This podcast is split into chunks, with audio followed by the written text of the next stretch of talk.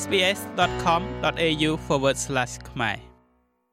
ម្ចាស់ស្ត្រី Elizabeth II ដែលជាព្រះមហាក្សត្រដែលបានកាន់អំណាចយូរបំផុតរបស់ចក្រភពអង់គ្លេសបានសោយទីវង្គតនៅ Balmoral ក្នុងព្រះជន្មាយុ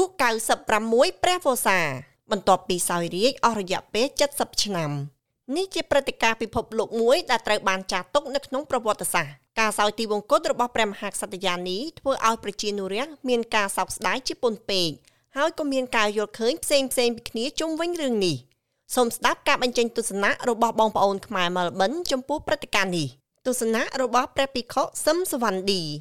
យើងសោកស្ដាយដែរដែលព្រះអង្គទីវង្គតយើងមិនចង់ឲ្យមានការបាត់បង់ឬក៏ទីវង្គតទេព្រោះប្រហាក្សត្រនីមួយៗព្រះអង្គសាងបុណ្យកុសលច្រើនណាស់ទាំងរំបានជាហៅថាសោយរាជនៅសម្បត្តិនេះ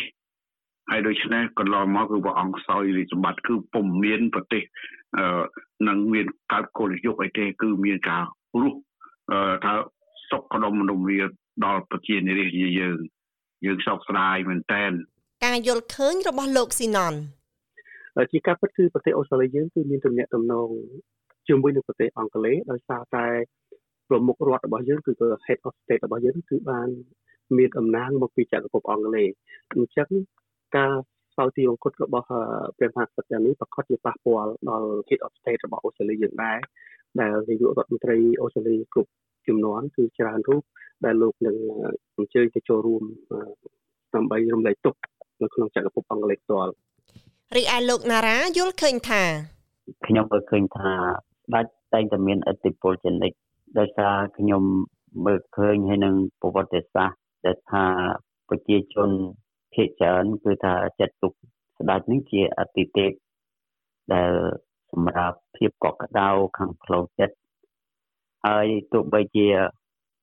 ព្រះរាជនីលោកសោយទីវង្គតទៅមែនប៉ុន្តែលោកបង្កើតហើយបានទុកនៅសល់មរតកដែលមនុស្សជាតិនឹងបានទទួលដូចជានាងបានធ្វើប្រយោជន៍ទៅដល់ជាតិយ៉ាងច្រើន លោកប៉ែនគៀតក៏បានបញ្ចេញទស្សនៈផងដែរថាសម្រាប់ជាទស្សនៈរបស់ខ្ញុំខ្ញុំមើលឃើញថាអឺព្រះអង្គម្ចាស់បានសាងស្នាដៃដ៏ឧត្តមឧត្តមសម្រាប់រាជរបស់ព្រះអង្គទាំងនៅប្រទេសញូហ្សេឡង់អូស្ត្រាលីនិងនៅអឺប្រទេសអង់គ្លេសនឹងជាស្នាដៃរបស់គាត់ហ្នឹងគឺពិភពលោកគេទទួលស្គាល់ទាំងអស់គ្រប់គ្នាថាព្រះអង្គបានសាងស្នាដៃយ៉ាងឧត្តមឧត្តមអ្នកស្រីពុទ្ធធីវីបានបញ្ចេញទស្សនៈថា ការស្លាប់របស់គាត់នេះសម្រាប់ខ្ញុំគឺថាយល់ពីដំណើររបស់ធម្មជាតិជីវិតការចាស់ឈឺស្លាប់ហ្នឹងខ្ញុំដូចជាមិនមានការភ្ញាក់ផ្អើលអីខ្លាំងទេដោយសារថ្ងៃហ្នឹងខ្ញុំដឹងថាវានឹងមកដល់ហើយខ្ញុំជឿថាអ្នកដទៃទៀតក៏គេដឹងដែរគ្រាន់ថាអឺដោយសារខ្ញុំដូចខ្ញុំនិយាយមុនអញ្ចឹងហើយម្យ៉ាងទៀតខ្ញុំវាអត់មាន attachment អីមួយគាត់អញ្ចឹងវាជារឿងធម្មតាសម្រាប់ខ្ញុំតែគាត់ ស្លាប់ហ្នឹងក៏តែខ្ញុំចង់និយាយថាតែខ្ញុំស្រឡាញ់គាត់ហើយជាពិសេសខ្ញុំ respect គាត់គោរពគាត់ដោយសារគាត់ជា មហាក្សត្រយានីមួយដែលបានគ្រងរាជរហូតដល់70ឆ្នាំហើយក្នុងកំឡុង70ឆ្នាំហ្នឹងនិយាយពីរឿងខ្លួនគាត់ផ្ទាល់គឺថាគាត់អត់មានអឺរឿងអាស្រូវអីទាំងអស់នៅពេលព្រះមហាក្សត្រយានីសោយទីវង្គតរាជបល្ល័ង្កត្រូវបានផ្ទេរភ្លាមភ្លាមទៅឲ្យអ្នកស្នងមរតកគឺព្រះអង្គម្ចាស់ឆាល ដែលជាអតីតព្រះអង្គម្ចាស់នៃវេលចំណុចនេះក៏ធ្វើឲ្យប្រជានុរាស្ត្រមានការចាប់អារម្មណ៍ផងដែរបើនិយាយអំពីព្រះអង្គឆាលដែលត្រូវឡើងគ្រងរាជបន្តខ្ញុំយល់ថាព្រះអង្គក៏មានទស្សនៈមិនខុសគ្នានឹងព្រះមហាក្សត្រពីមុនមកដែរពីព្រោះថានេះជាគោលនយោបាយរបស់ប្រទេសអង់គ្លេសដូច្នេះខ្ញុំ មើលឃើញថាព្រះអង្គនឹងខំសាងស្នាដៃដើម្បីជាកិត្តិយសរបស់ព្រះអង្គគ្រប់គ្រប់ព្រះអង្គគឺតែងតែខំសាងស្នាដៃមិនបានគិតអំពីការ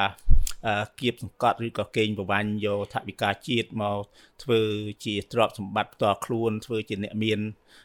ដើម្បីសម្ញែងគេឯងនោះទេនេះជាជាទស្សនៈរបស់ខ្ញុំខ្ញុំជឿថាព្រះមហាក្សត្រ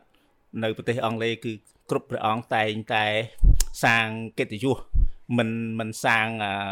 ទ្រព្យសម្បត្តិទេហើយខ្ញុំជឿថាអបអពីព្រះមហាក្សត្រយ៉ានីទៅនឹងគឺថាដាច់ថ្មីនឹងសោយរាជខ្ញុំជឿថានៅតែមានអតិពលពីព្រោះពីព្រោះដោយសារថាអឺស្ដេចមុនបានធ្វើជាគំរូល្អទៅហើយហើយសាសនាជាតិសាសនាឃើញថាប្រទេសអង់គ្លេសមានស្ដេចដើម្បីលេងជាទីមលុបកក្តៅមួយអញ្ចឹងហើយស្ដេចថ្ងៃនេះខ្ញុំជឿថា នៅតែមានឥទ្ធិពលពីព្រោះមនុស្សយើងមិនអាចជាច្រើនមិនអាចចោលស្ដេចបានទេទោះបីជាសម័យនេះក៏ប្រទេសខ្លះអង់គ្លេសអូស្ត្រាលីកាន់របបលទ្ធិប្រជាធិបតេយ្យក្តីប៉ុន្តែពួកគេចាត់ទុកថាស្ដេចនៅតែមានឥទ្ធិពលខ្លាំងនៅក្នុងនយោបាយបាទហើយបើគាត់ព្រះអង្គទីអង្គគាត់ហើយដូច្នេះគឺ មន្ត្រីរាជការគេមិនទុកចោលព្រះអង្គប្រកាយព្រះអង្គទេគេចឹងរៀបចំទុកដាក់បានត្រឹមត្រូវហើយនឹងគេជ្រើសរើសរកអ្នកសោយរាជបន្តទៀតគឺគឺជាការល្អមែនតើមិនអាចប្រកែកបានទេធម្មតាអត់មួយនៅមួយបន្តទៀតអ្វីដែលល្អសម្រាប់ការយកឃើញរបស់ខ្ញុំក្នុងនាមប្រសិនជាយើងនៅតែរក្សារក្សាយកព្រះមហាក្សត្រថ្មីគឺពេញឆាលទី3 នៅអង់គ្លេសគឺជាប្រមុខរដ្ឋរបស់ប្រទេសអូស្ត្រាលីគឺផលប្រយោជន៍ត្រង់ថាវាជាកេរដំណែលចាស់គឺយូរឆ្នាំមកហើយដែលអូស្ត្រាលីយើងមានប្រវត្តិយកប្រទេសអូស្ត្រាលីនេះទៅទោះយកប្រទេសអង់គ្លេសនេះគឺជាគឺថាមេដឹកនាំឬក៏យើងស្ថិតនៅក្រោមអាណានិគមរបស់ប្រទេសអង់គ្លេសដែលប្រទេសអង់គ្លេសជំនាន់នោះគឺមានអំណាចខ្លាំងណាស់ដែលមានប្រទេសនៅក្រោមអាណានិគមរបស់អង់គ្លេសគឺច្រើនមែនទែន យ៉ាងហោចក៏ពីមុនមកដូចជា40ឥឡូវនេះដូចជា14ដែលហៅថា Commonwealth ប្រយោជន៍មួយទៀតអឺយើងមានក្រៅពីថែរក្សាទលានត្រឡប់ប្រពៃនេះដែលមានសពហ្នឹងគឺយើងបានធ្វើជាកូនចៅឬក៏យើងមានដៃគូឬក៏បងធំដែលជាមហាអំណាចនៅប្រទេសអង់គ្លេសជាមហាអំណាចអាចជួយឈឺឆ្អាលជួយឲ្យយោបល់ឬក៏ជួយការពារយើង តាក់ទងនឹងវិបត្តិផ្សេងផ្សេងនៅលើពិភពលោកមួយទៀតដូចជាថ្មីថ្មីនេះយើងឃើញហើយ AUKUS ហ្នឹងក៏ជាផ្នែកមួយដែលប្រទេសអង់គ្លេសបានចុះហត្ថលេខារៀបចំគម្រោងការពីអូស្ត្រាលីបើសិនជាមានការឈានទាមទារប្រទេសប្រទេសចិនឬក៏ប្រទេសប្លុកកុម្មុយនីសផ្សេងៗចំណែកដែលមិនមែនផលប្រយោជន៍ពេញបើសិនជាយើងងាកចេញព្រោះថាប្រទេសអូស្ត្រាលីក៏ធ្លាប់មានប្រវត្តិ ចង់ងាកចេញកាលពីលោកនាយករដ្ឋមន្ត្រីចនហវ៉ាត់នៅក៏ធ្លាប់ធ្វើជាមតិដែរថាតើប្រជាពលរដ្ឋអូស្ត្រាលីយើងទាំងអស់ហ្នឹងចង់ងាកចេញអំពី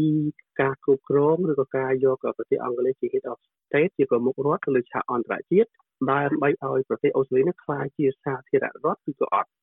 ពេលហ្នឹងគឺយើងបានធ្វើទៅឃើញថាមានប្រជាពលរដ្ឋភាគច្រើនគឺច្រើនជាពាក់កណ្ដាលនៅតែចង់រក្សាព្រះមហាក្សត្រ Elizabeth II ឬក៏ឥឡូវនឹងខ្លាយជា Prim Charles ឬក៏ King បាទ Charles III ហ្នឹងនឹងខ្លាយជាប្រមុខរដ្ឋអូស្ត្រាលីអញ្ចឹងមានន័យថានៅចង់បដែលថ្មីថ្មីនេះបន្ទាប់ពីការសោយទីបង្គត់របស់ព្រះសាស្ត្រាចារ្យនេះទាំងទៅយើងឃើញថាមានអិសរាជជននយោបាយជាប់ពោះរបស់អូស្ត្រាលីយើងជាច្រើនដែលមានទស្សនៈផ្សេងគ្នាដូចជាអតីតនាយករដ្ឋមន្ត្រីអូស្ត្រាលីលោកស្រី Julia Gillard ចង់ បញ្ចេញមតិផ្ទាល់ខ្លួនរបស់លោកស្រីថាអូស្ត្រាលីគឺដល់ពេលដែលត្រូវខ្លាយទៅជាសាធារណរដ្ឋហើយចំណែកឯមេបកប្រឆាំងលោក Peter Dutton ហ្នឹងគឺលោកមានមតិជំទាស់ថាហាក់ដូចជាអូស្ត្រាលីហ្នឹងជាការកេរចំណេញបាទការលើកយកអំពីប្រធានបទចង់ឲ្យអូស្ត្រាលីក្លាយជាសាធារណរដ្ឋដូចជាការកេរចំណេញប៉ុន្តែអ្នកនយោបាយមានដឹកនាំនយោបាយរបស់យើងគឺលោកនាយករដ្ឋមន្ត្រី Anthony Albanese គាត់គិតថា កុំអាននិយាយអីអូខេនេះគឺជាការយល់ឃើញរបស់មេដឹកនាំធំធំនៅក្នុងប្រទេសអូស្ត្រាលីស្ដីអំពីភាពស្ម័គ្រស្មោះឬក៏ការចង់គេចចេញពីសាធារណរដ្ឋបន្ទាប់ពីចក្រភពអង់គ្លេសជាប្រមុខរដ្ឋមកខ្លាយជាប្រទេសសាធារណរដ្ឋបើសិនជាខ្ញុំសរុបជារួមហេតុអ្វីបានជាល្អព្រោះថាការធ្វើប្រជាមតិអញ្ចឹងមិនយូរមិនឆាប់នៅពេលដែលការរៀបចំពិធីបុណ្យ បញ្ចុះសពព្រះហក្សត្រយ៉ាងនេះនៅថ្ងៃច័ន្ទទី19ហ្នឹងខ្ញុំជឿថាមិនយូរមិនឆាប់ទេអូស្ត្រាលីនឹងនឹងមានចលនាធ្វើប្រជាមតិម្ដងទៀតថាតើគួរតែស្ថិតនៅក្រោមចក្រភពអង់គ្លេសឬមួយក៏ខ្លាចជាសាធារណរដ្ឋហើយបើយើងត្រឡប់មកនិយាយពីរឿងកូនគាត់វិញក្តាច់ឆាលខ្ញុំអឺនិយាយដល់ស្មោះខ្ញុំមិនបានចាប់អារម្មណ៍មិនបានចាប់អារម្មណ៍ថាគាត់ឡើងជាស្ដេចគាត់នឹងធ្វើអី ព្រោះអីខ្ញុំខ្ញុំអត់មាន respect ខ្ញុំខុសពីកោខុសពីម្ដាយគាត់ដោយសារបញ្ហាគាត់វាពាក់ព័ន្ធច្រើនពេកអាជីវិតផ្ទាល់របស់គាត់ណានិយាយញ៉ាយពីរឿងប្រពន្ធពីរឿងអាមានប្រពន្ធហើយមានស្រីទៀតអីអញ្ចឹងខ្ញុំអត់ពេញចិត្តកន្លែងហ្នឹងហើយខ្ញុំគិតថាគាត់ទុកជាយ៉ាងណាក៏ដោយគាត់មិនអាចធ្វើបានដូចម្ដាយគាត់ទេហើយខ្ញុំក៏មិនមានការចាប់អារម្មណ៍ដែរនិយាយទៅស្មោះនឹងតាមដានថាគាត់នឹងធ្វើអីទៀត ហើយខ្ញុំជឿថាខ្ញុំនឹងលឺពីព្រោះអីនៅក្នុងព័ត៌មានអីវានឹងមានលេចលឺណាតែឲ្យខ្ញុំតាមដានអីចាប់អារម្មណ៍គឺខ្ញុំមិនមិនជា not interested ស្របតាមសេចក្តីប្រកាសរបស់នាយករដ្ឋមន្ត្រី Anthony Albanese កាលពីថ្ងៃទី11ខែកញ្ញាទីវិជាតិនៃការកាន់ទុកនឹងត្រូវប្រារព្ធធ្វើឡើង នៅថ្ងៃប្រហ័សទី22ខែកញ្ញាឆ្នាំ2022បងប្អូនយើងក៏បានបញ្ចេញទស្សនៈរៀងៗខ្លួនត្រង់ចំណុចនេះផងដែរ ចាខ្ញុំគិតថាដោយសារអូស្ត្រាលីនៅក្នុង under monarchy របស់របស់អង់គ្លេសហ្នឹងវាជា political government គេដូចថាត្រូវធ្វើអញ្ចឹង last minute អញ្ចឹងអឺនេះជារឿងនយោបាយដែលខាងប្រទេសយើងធ្វើខ្ញុំអត់មានថាចំទាស់ឬក៏ឯកភាពអីទេព្រោះខ្ញុំយល់ថានេះជាជានយោបាយដែលជានិយាយថាអ្នកអឺ ដឹកនាំប្រទេសយើងគេយល់ថាត្រូវតែធ្វើអញ្ចឹងដើម្បីគ្រប់នៅ king របស់គេ a queen របស់គេ sorry អឺចំណែកឯដែលខ្ញុំខ្ញុំធ្វើការនៅក្នុងអឺខាងសុខាភិបាលជាមួយនឹង Alfred Hospital ចំណែកខាងពួកខ្ញុំអត់ឈប់ទេដោយសារអឺ hospital នោះមាន surgery មានអីគេ schedule ច្រើនណាដល់អញ្ចឹងទៅខាង hospital ខ្ញុំនេះ staff ដែលជាពិសេស clinical staff និងទោះបីខ្ញុំមិនមែន clinical ជា doctor ឬក៏ជា nurse តែខ្ញុំខាងខ្ញុំធ្វើការជួយទៅដល់អ្នកដែលថែទាំអ្នកជំងឺអញ្ចឹងខាងខ្ញុំក៏គេ classify ជា clinical ដែរដូច្នេះពួកខ្ញុំធ្វើការអញ្ចឹងទេ public holiday ឬក៏អត់វាអត់មានបញ្ហាជាមួយខ្ញុំទេហើយដូចខ្ញុំនិយាយមុនអញ្ចឹងខាងខ្ញុំនៅធ្វើការដដែលចាខ្ញុំគ្រប់គ្រងទាំងស្រុងសម្រាប់ ការរដ្ឋាភិបាលអូស្ត្រាលីប្រកាសថានឹងបង្កើតឲ្យមានថ្ងៃកាន់ទុកសម្រាប់ជាការឈប់សម្រាកនៅថ្ងៃដែលកាន់ទុកហើយពីព្រោះព្រះមហាក្សត្រដែលបានសាងស្នាដៃល្អសម្រាប់រាជហើយរាជត្រូវតែយកចិត្តទុកដាក់និងគោរពនៅហៅថាវិញ្ញាណក្ខន្ធរបស់គាត់ដែលគាត់បានសាងកន្លងមក លោកលោកស្រីអ្នកនាងកញ្ញាលោកអ្នកទៅតែបានស្ដាប់ការបញ្ចេញទស្សនៈផ្ទាល់ខ្លួនចំពោះការសោយទីវង្គតរបស់ព្រះមហាក្សត្រ Elizabeth II